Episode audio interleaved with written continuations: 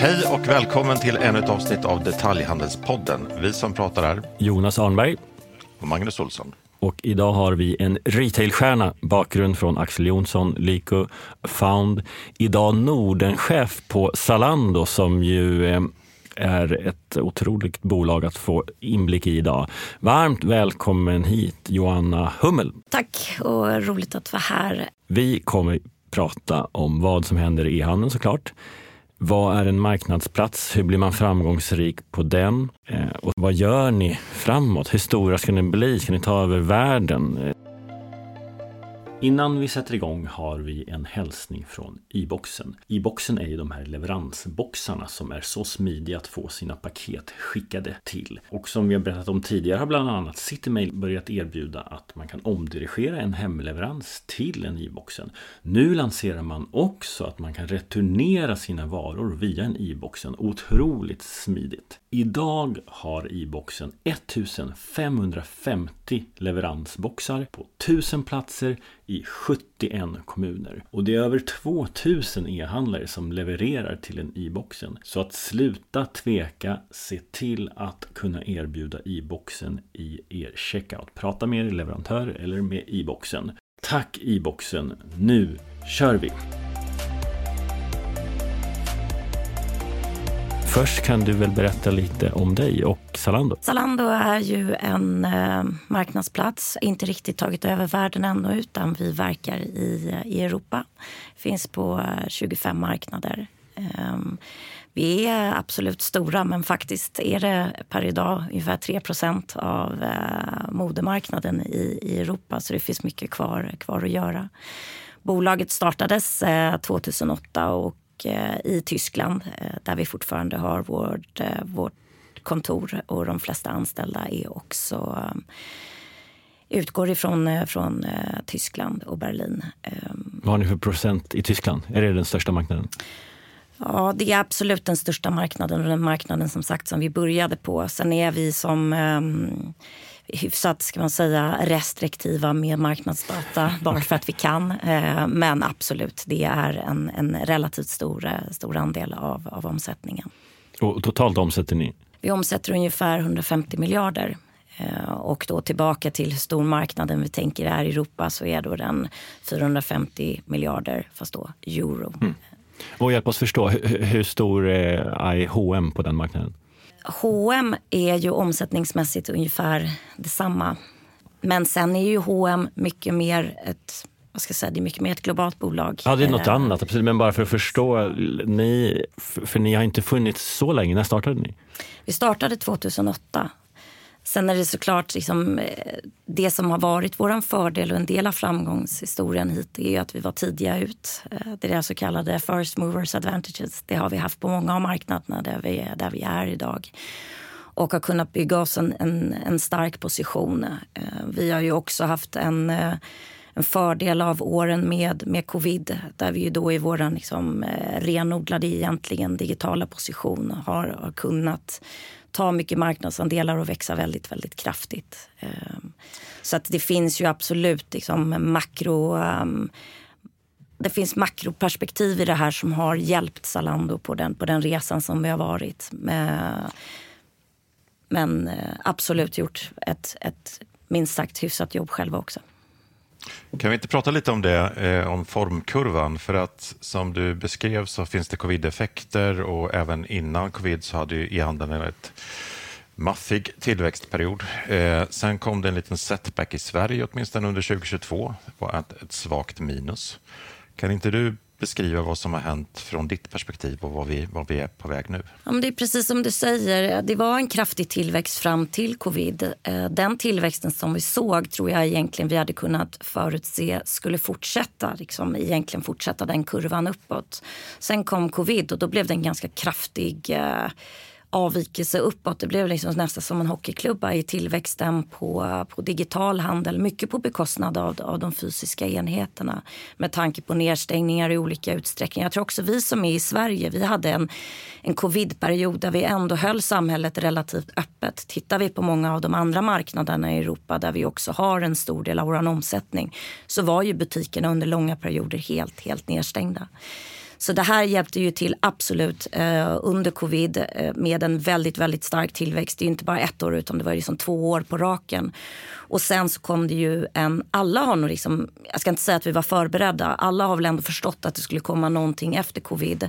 Men det som kom i form av den relativt kraftiga inbromsningen när både fysisk handel tog tillbaka volymer samtidigt som det liksom bröt ut ett krig eh, i, eh, i Europa och också de liksom, eh, konsekvenserna som det har fått på, på ekonomin så har ju det är ganska svårt att sortera idag skulle jag säga vilken av de här vad är orsaken till vad? Hur skulle det se ut i den digitala handeln om vi hade plockat bort bara kriget?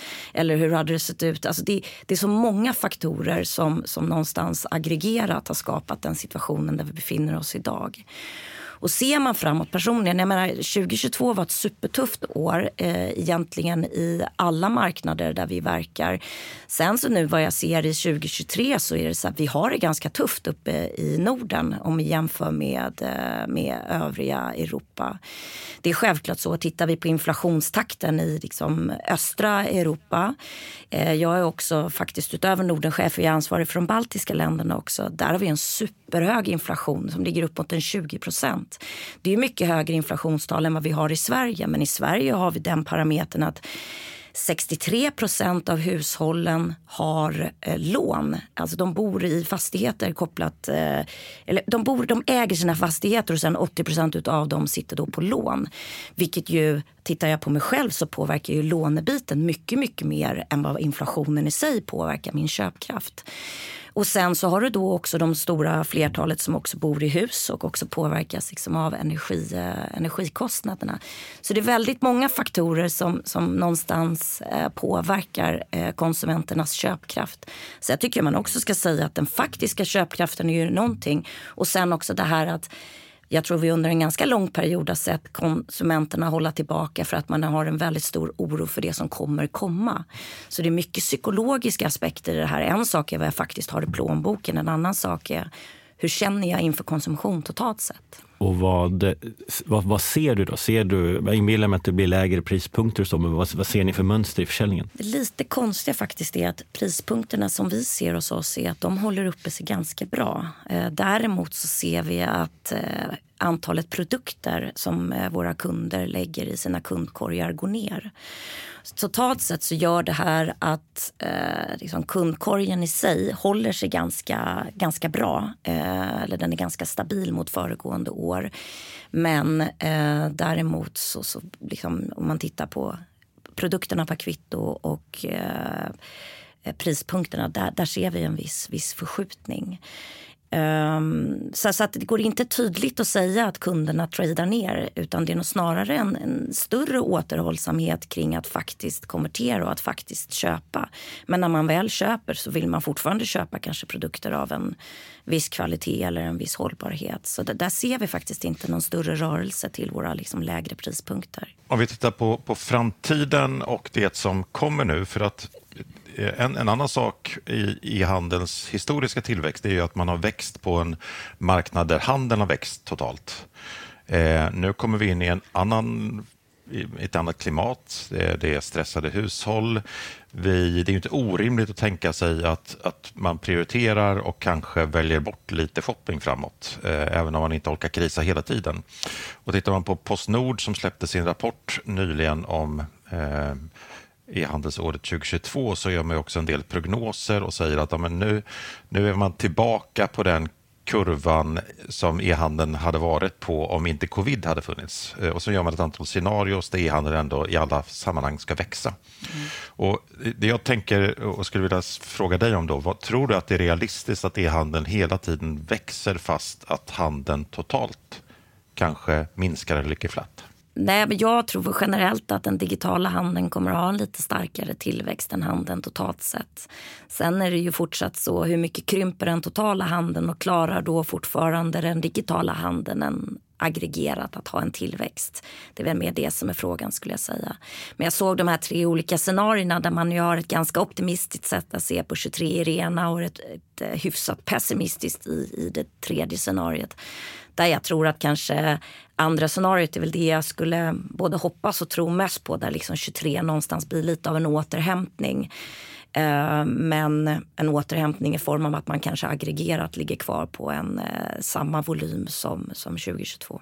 Jag tror att e-handelns tillväxt som kanal kommer att fortsätta.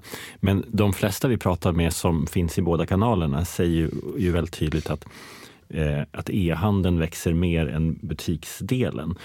Eh, och det, så det betyder ju också att den tillväxt som e-handeln kommer ha kommer kedjorna kommer ta en större del av den tillväxten. Alltså än så länge, fram tills nu eller ett par år sedan, så har ju liksom pure players eller liksom e-handlare växt på nätet. Nu kommer vi till en fas där där kedjorna kanske börjar få till det. Och dra, även om butiksnätet också ska ner något så börjar man ändå dra fördel av att finnas i båda kanalerna. Eh, och, och, så där tror jag det kan bli tufft att liksom bara vara e-handlare för en del. Mm.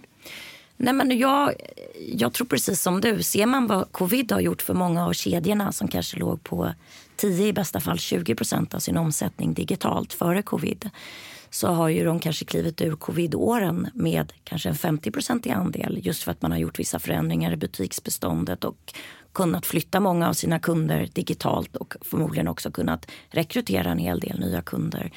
Så det tror jag verkligen. Många av de här har ju kunnat ställa om och fått en bra, en bra liksom start eller en, en bra tillväxtkurva på, sig, på sin digitala. Sen så tror jag så att det finns plats för alla olika varianter. Det kommer finnas plats för renodlade fysiska aktörer med en stark kundkrets. Det kommer finnas plats för de som jobbar i båda kanalerna.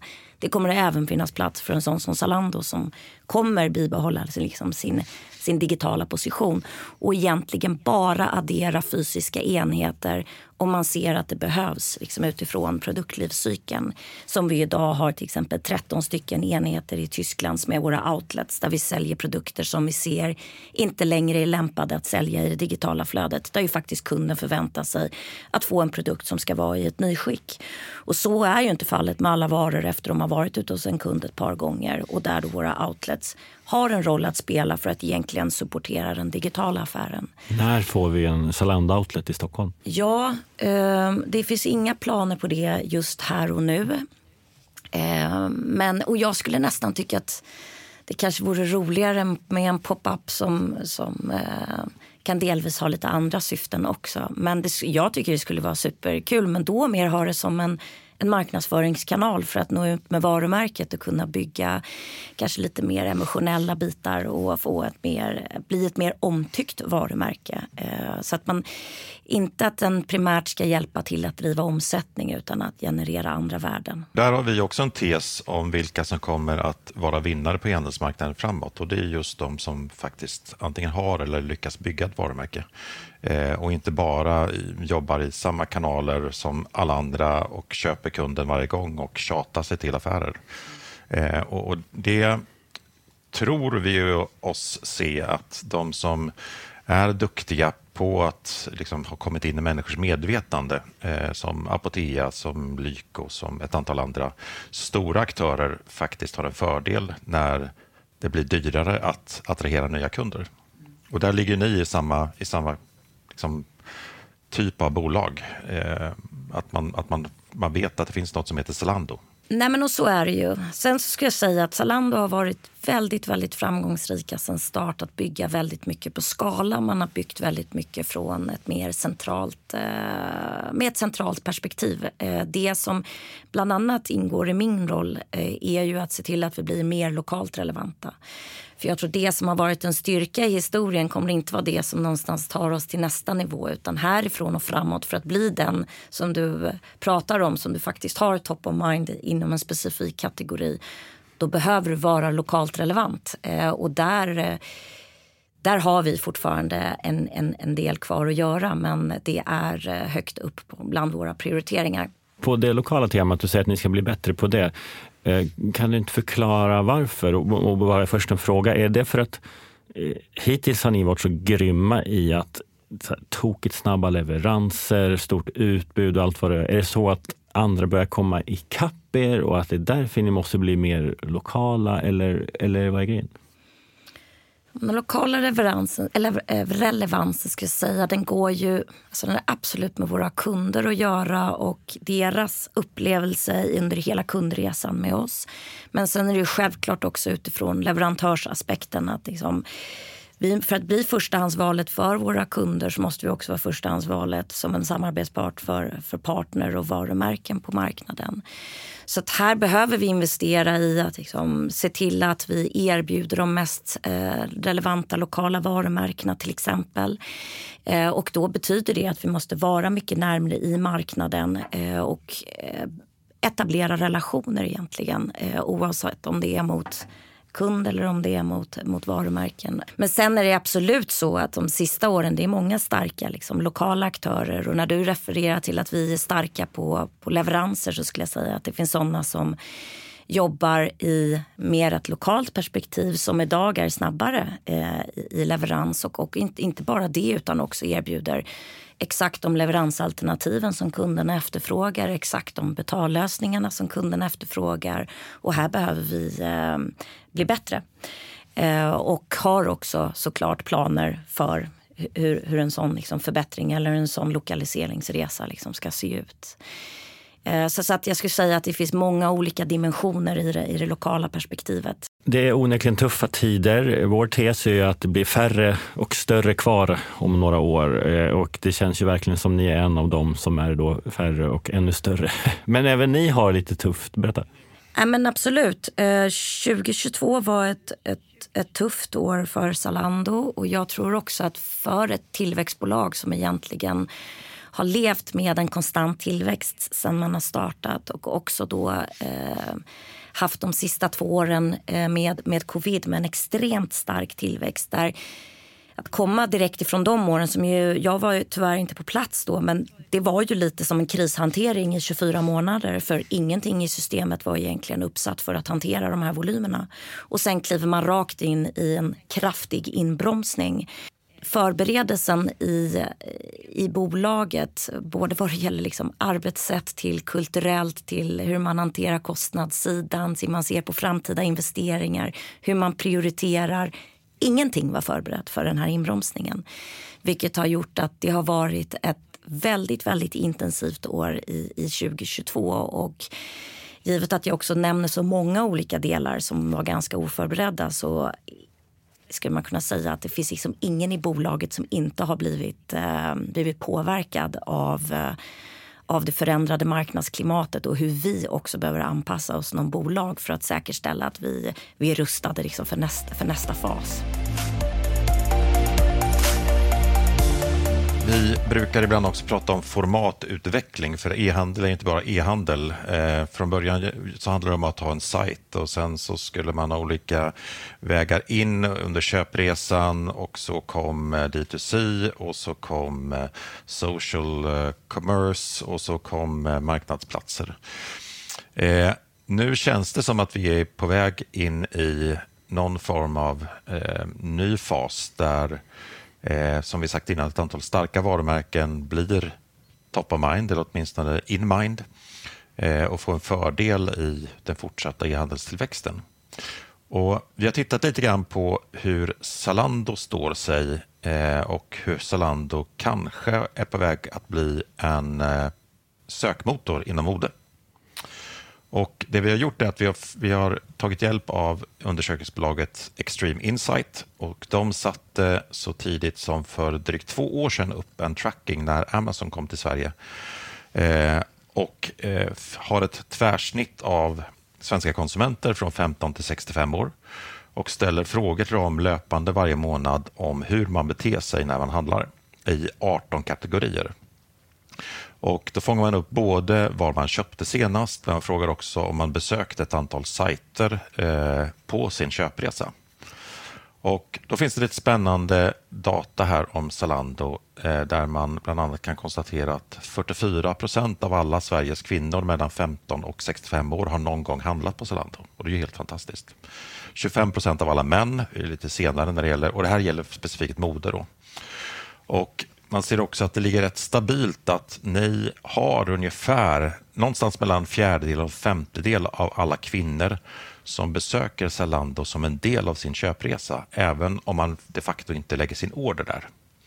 Hur ser du på marknadsplatsernas utveckling från en, en ren bara inom situationställning är handelsaktör till att möjligtvis bli sökmotor. Ja, men spännande data. Nej, men jag tror för att förtjäna att bli en, en sökmotor så behöver du utöver absolut ett bra sök, du behöver ha mycket kopplat kring inspiration eh, så att du inte blir egentligen bara fokuserad på transaktionen. Det här är ett område som är absolut eh, högsta prioritet eh, bland en del andra områden ska jag säga på Zalando. Att bli mer en, liksom en, en, plats för inspiration och inte bara för transaktion. Sen är det klart, alltså pratar, vi har pratat en del om det loga, lokala och det globala perspektivet. Det är lättare att eh, skapa content, skapa inspiration när du verkat på ett fåtal marknader. Vi är på många marknader där såklart inspiration och stil och vad som är ett relevant content. Det skiljer sig ganska mycket mellan våra marknader. Men det här är ett område som är liksom superviktigt för oss för att just förtjäna att bli platsen där kunderna kommer att inspireras och söker och liksom någonstans börjar sin köpresa. Sen är det precis som du säger, det kan vara så i slutändan att de hittar ett varumärke, de hittar en stil de gillar men att de avslutar i, i en annan kanal. Och det är mycket så som vi också ser på våran roll i liksom hela kategorin, branschen eller ekosystemet att vi är gärna en del i köpresan och känner oss också ganska trygga med att så här, vi får vår liksom, höll jag på att säga, beskärda andel av, av transaktionerna också. Men att, så här, att ha oss i åtanke, inte bara för transaktionen utan att kunna fylla en större funktion i, i kundernas totala köpresa. Det är absolut eh, en strategiskt viktig fråga för oss. Vilka ser du som dina konkurrenter? Det finns jättemånga starka branschkollegor, både lokala och liksom europeiska. Eh, vi försöker eh, jag ska säga, vi, vi har jättebra koll på vad våra branschkollegor gör. Eh, med det sagt så försöker vi hålla ännu mer koll på vår egna position och hur vi ska utveckla den för att liksom behålla en relevans för de kunderna som vi redan har eh, och de kunderna som vi gärna också vill få in i, i vår kundbas. Om vi tittar på lite mer eh, data från Extreme då, som ju eh, är vad folk säger sig ha gjort och tittar igen på kvinnor som är era hardcore-konsumenter så den senaste månadens datan här så var det 24 procent som hade varit inne på sajten under sin köpresa sist de handlade en modeprodukt och 10 la faktiskt sin order där. Det låter ju fantastiskt högt. Vad, hur ser du på, på det? Jag skulle säga att den datan egentligen eh, linjerar ganska väl med den datan jag själv tittar på eh, på både vecko och månadsbasis. Vi följer mycket till exempel Similar Web-data där vi ser hur trafiken till, till oss och eh, våra branschkollegor ser ut. Eh, där ligger vi strax över det du nämner kring eh, dina 24 procent till exempel i, i, i, trafikandel. Den andelen är för sig bara liksom utifrån det är inte till app, den kan vi inte, tyvärr inte mäta vilket såklart påverkar en del av de nyare marknadsplatserna lite negativt som har mycket av av de yngre, yngre kunderna då, skulle jag säga, eller framförallt har sin styrka där. Men jag tycker att det linjerar ganska väl med, med eh, den bedömningen jag själv skulle göra. Men, men varför är det så bra? Alltså är det för att ni har jättestort sortiment?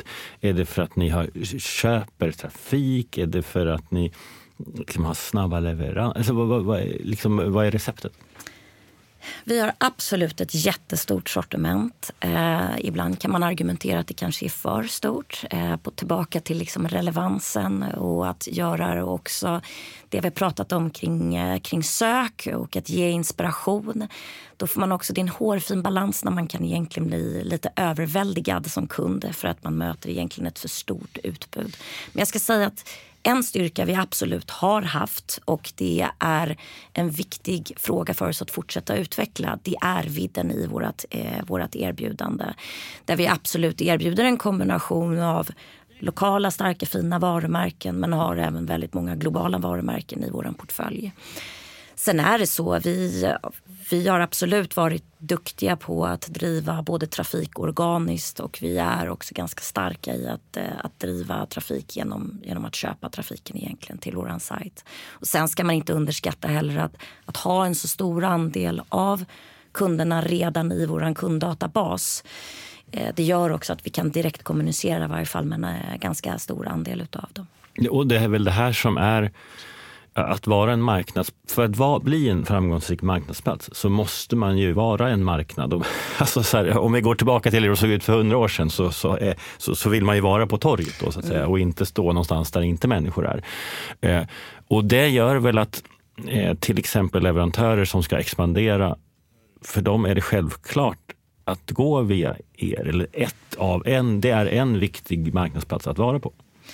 Nej, men så är det. Och det är många varumärken också som använder Zalando till exempel för expansion in till nya marknader. För man kan tycka att det kan vara ett relativt ja, det krävs mindre investeringar att till exempel gå in och öppna upp mot fem nya marknader. Se var, var man hittar kunder som faktiskt gillar en, ens, eh, ens erbjudande. Och sen därefter kanske öppna upp sina egna eh, lokala liksom, e-handelsshoppar. Det är ju ändå så att vi har över 50 miljoner eh, kunder i vår databas eller som är liksom aktiva kunder.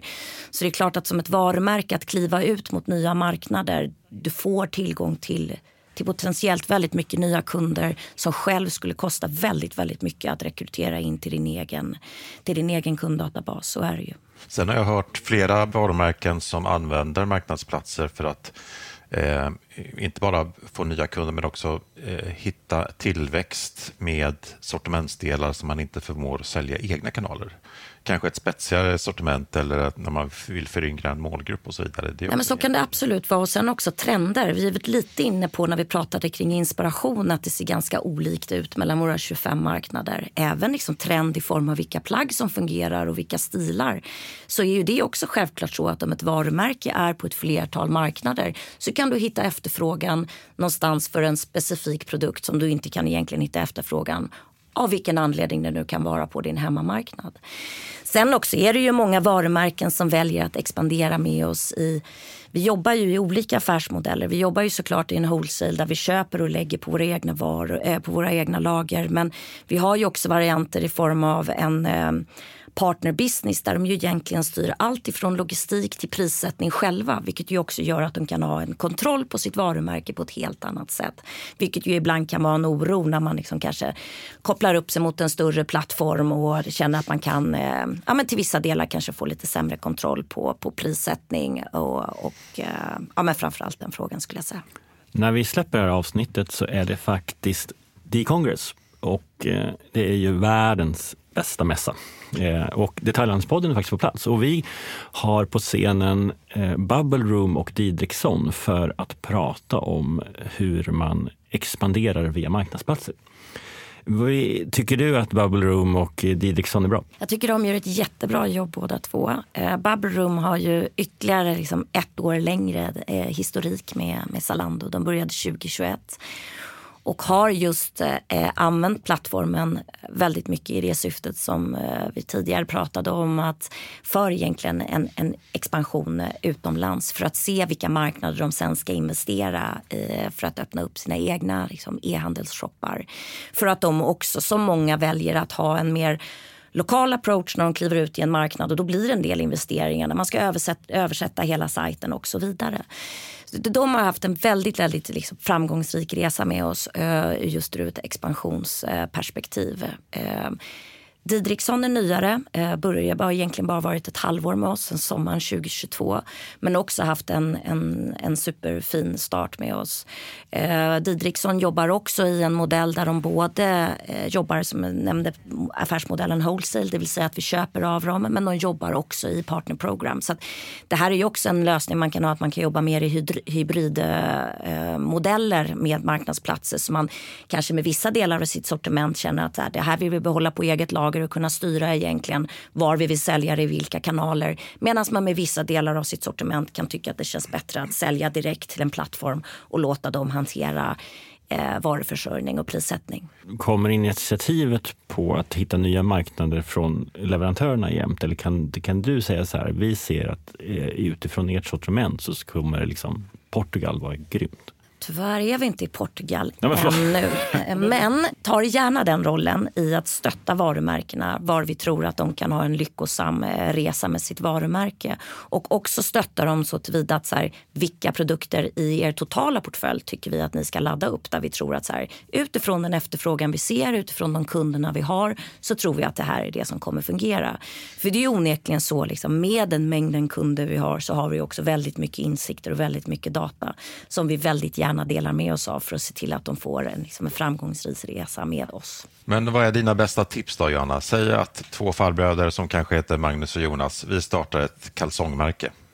Eh, Jonas och Magnus kalsonger. Och så kommer vi till dig och säger vi har världens bästa kallingar. Hur gör vi? Hjälp oss. Ja, men ska ni sälja kallingar så ligger ni ofta i en lite lägre prispunkt vilket gör att jag tror att ni skulle tjäna på att sälja i en wholesale-lösning. Det vill säga få Zalando att köpa utav er. För att annars blir liksom kostnaden för er att sälja den enskilda kalsongen och sen eh, skicka den här till direkt till kund den kan bli lite stor. Eller så får ni välja att jobba med oss i en partnerprogram.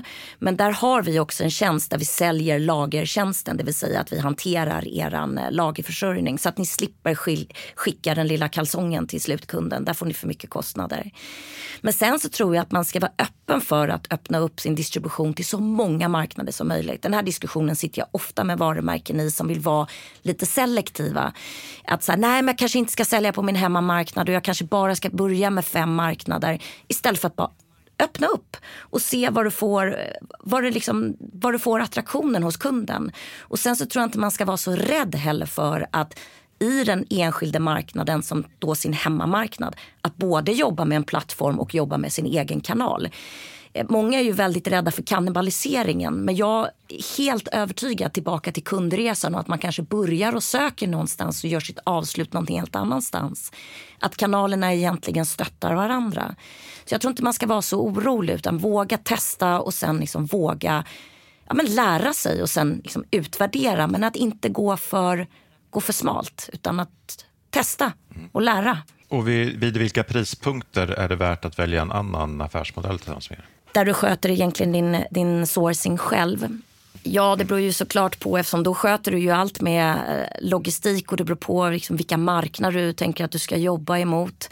Men jag tror att du behöver komma upp ungefär 200 kronor per eh, respektive produkt och då pratar jag exklusive moms också får bli premiumkalsonger då, Jonas. Eh, ja. eller så får ni gå på tre eller fempack. Du, innan vi lämnar plattformarna, kan, kan, vi inte bara få prata lite Amazon? Det är ju ingen direkt konkurrent till er, men som plattform är vi väl det en som har kommit längre än er. Eh, vilken relation har du till dem? Utöver att jag har väldigt mycket tidigare Amazon-medarbetare på, på Zalando så är det ju absolut så att vi inspireras ganska mycket av det som eh, Amazon gör. Sen så tror jag så här, det är nog många som gör det, men det gäller hela tiden och att också vara ärlig mot sin egen position och också ärlig mot den kunden man själv har och den positionen i marknaden i form av kategorierna man säljer till exempel.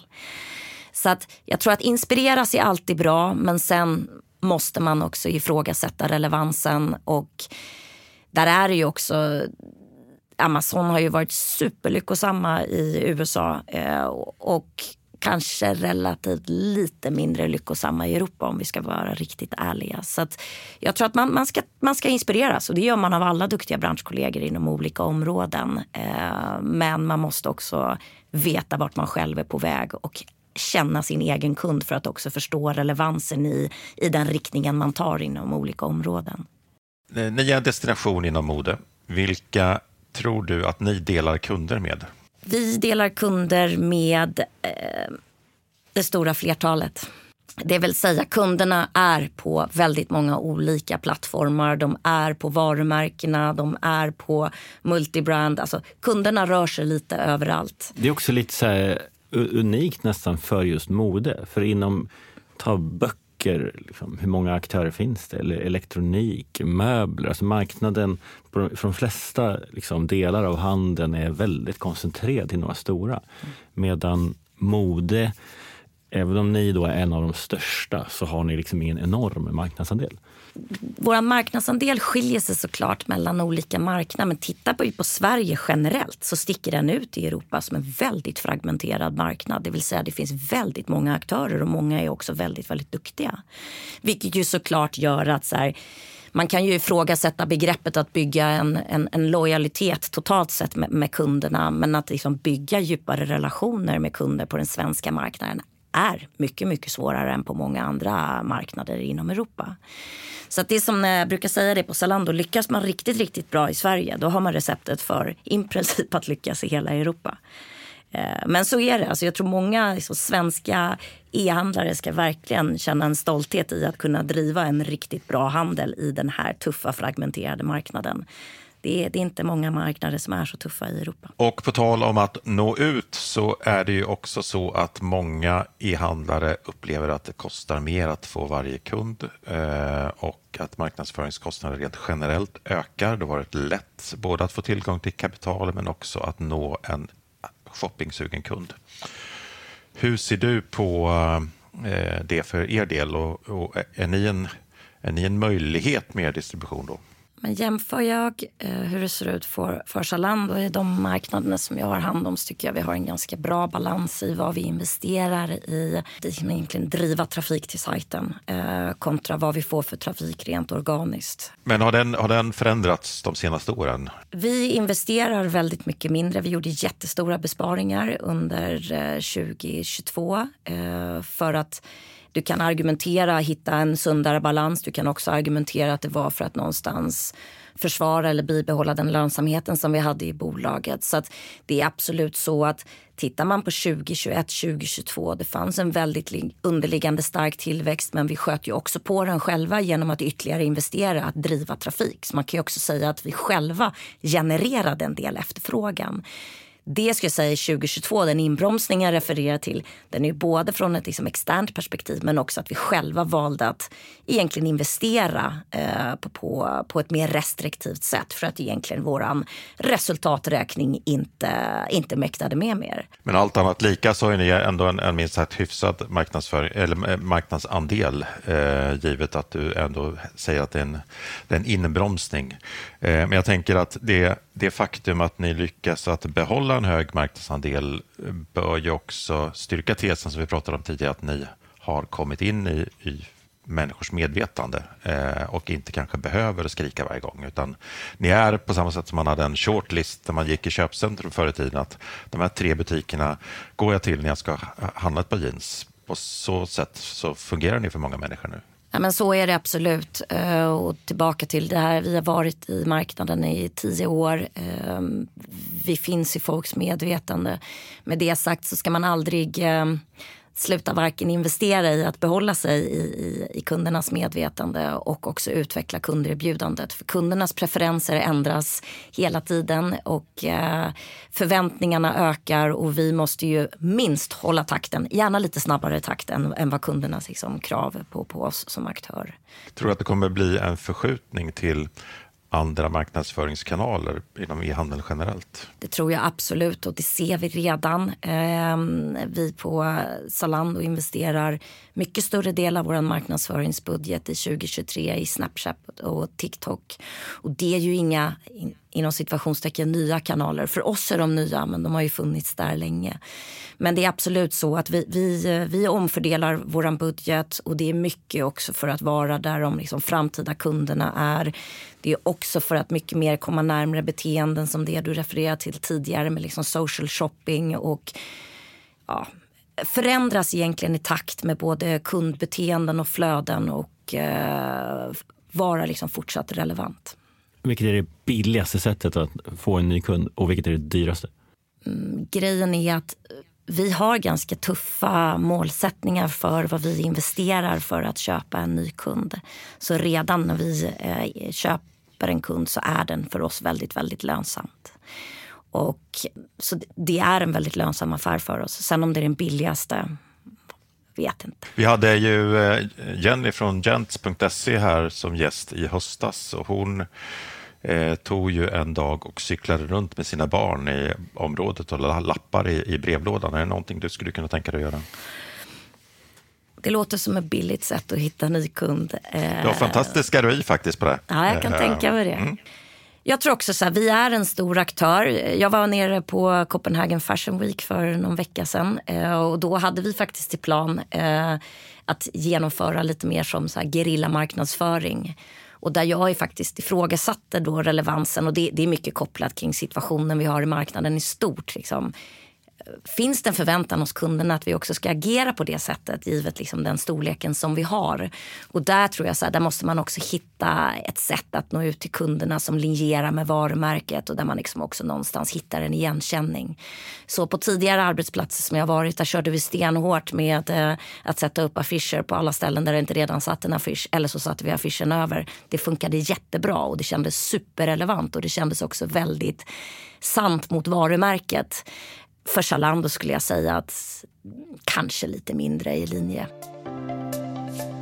Joanna, e-handeln får en hel del kritik kring höga returer, eh, plagg som eldas upp. Eh, och eh, ja, det innebär, e-handel är ju en ny infrastruktur för handel som jag visserligen tror är mycket mer effektiv än den gammelhandeln. Men, men just när det kommer till mode så kommer vi inte ifrån att det är en stor andel returer. Eh, hur ser du på den delen av eh, e-handeln och hur jobbar ni med det?